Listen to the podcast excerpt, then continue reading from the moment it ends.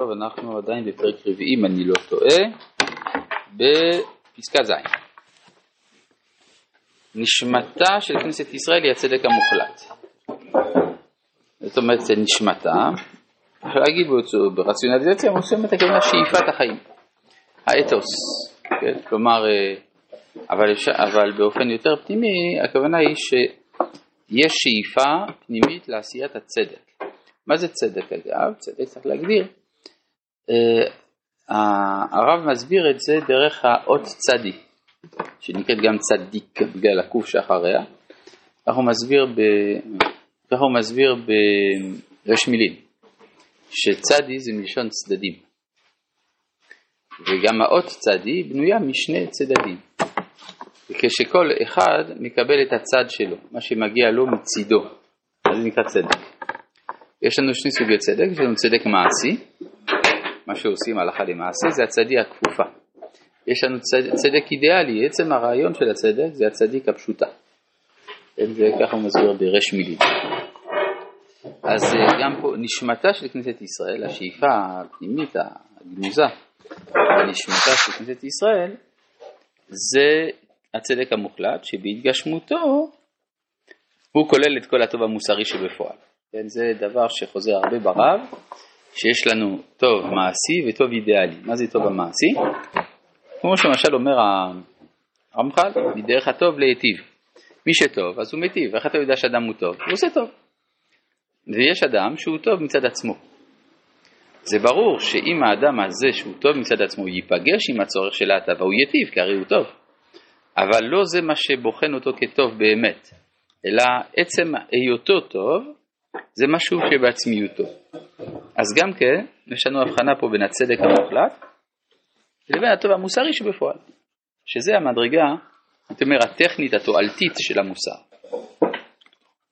על כן, מתוך כל זה, מתוך כל מה שאמרנו, כל פגם מוסרי שהאיש היחידי מישראל עושה, עבירה למשל, אבל גם פחות מעבירה, עצם מידה רעה או כל פגם מוסרי שהוא, שהאיש היחידי מישראל עושה, מחליש הוא בזה קישורו עם נשמת האומה כולה.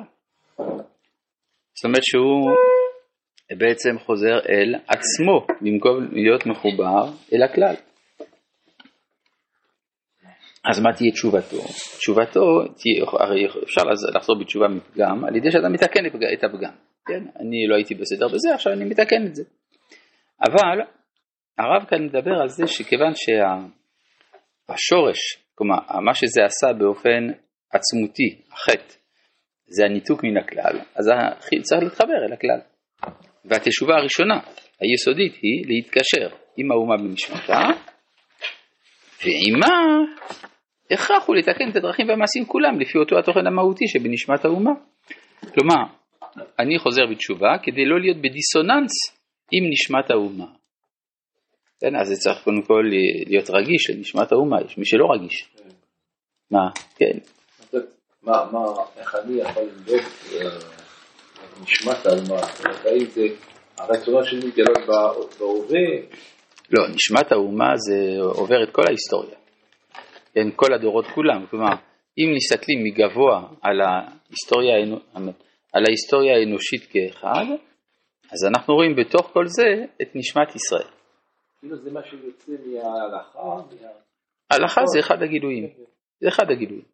כלומר זה עם ישראל לדורותיו. עכשיו, במשך הדורות יש כל מיני, איך לומר, אה, פרצופים שונים של כנסת ישראל שבאים לידי ביטוי. יש תקופה שהפרצוף העיקרי, התבנית העיקרית זה הנבואה. יש תקופה שזה החוכמה, ההלכה, יש תקופה שזה המוסר, השירה, הפוליטיקה. כל פעם יש ממד אחר של כנסת ישראל שבא לידי ביטוי. עכשיו, יש במה שנקרא כללות הדורות, אז אתה יכול שמה לראות את נשמת ישראל. מה אתה שואל? איפה אנחנו חוזים היום? היום? אנחנו בפוסט מודרניזם. כן. לא, זה לא תבנית של כנסת ישראל, אבל יש, אה, אנחנו הייתי אומר בתבנית של גאולה. הרב מסביר באורות שבגאולה כל התבניות האלה מתאחדות. אנחנו בתקופה של סינתזה. לכן יש מתחים ומאבקים כל כך קשים לגבי הגדרת הזהות היהודית. בגלל זה. כי באמת צריך לסנטז את הכל. וברגע שאתה מכניס רק מימד אחד, אתה דוחה את המימד השני. לכן לא צריך להיבהל מזה שיש אה, כל כך הרבה קשיים. יותר מזה, יש אפילו קשיים עוד יותר גדולים לפי הסטטיסטיקות בציבור הדתי-לאומי. אבל זה סימן שזה הציבור החי ביותר שיש, כיוון שהוא בחיפוש עצמי. לא צריך להיבהל מזה. כפי שאמרתי אתמול, בערב חדש. עם מרל סגל, מה אתה לא רואה טלוויזיה? טוב, התכוונתי לו. טוב, אה, מה? בכל זאת יש איזשהו אה, עמודים אה, בתודעה של ישראל, שהם ישראל, תורת ישראל. אני מסכים, אבל זה מאוד קשה להגדיר, כי הרי גם אדם שלכאורה אין לו קשר לכל זה, הוא קשור לזה. כן. טוב, איפה אנחנו? כן, פסקה, כן.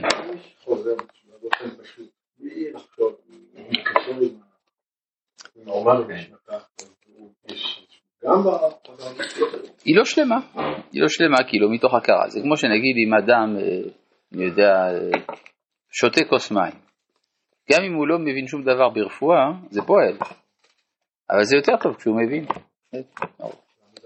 המודעות, בדיוק. טוב, פסקה ח' פסקה ח' אחת הפסקאות היסודיות. קודמת לכל מיני התשובות שהן באות אחריה היא התשובה לכבוד השם.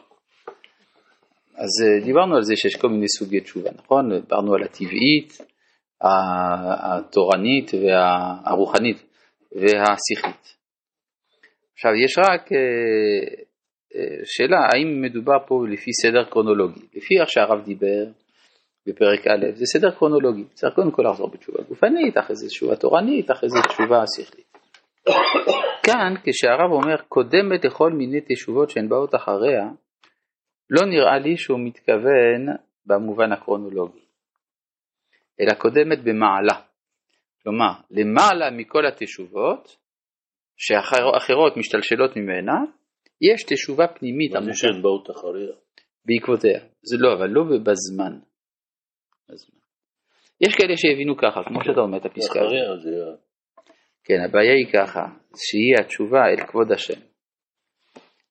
להכיר מה זה כבוד השם, או שאתה מדבר מצד, כמו שהרב מדבר במקום אחר, כבוד הדת, כן? שזה דבר שמצוי אצל כולם. אבל כאן הוא מתכוון לתשובה פנימית מאוד, שהיא שאדם עושה תשובה מפני כבוד השם, ולא כל אחד עושה תשובה מפני כבוד השם. אדם עושה תשובה בגלל שהוא מפחד מהעונש, או רוצה להיות בסדר, או כי יש לו מצפון, וכל מיני דברים כאלה. כבוד השם זה מדרגה שלכאורה רק יחידי סגולה מגיעים אליה.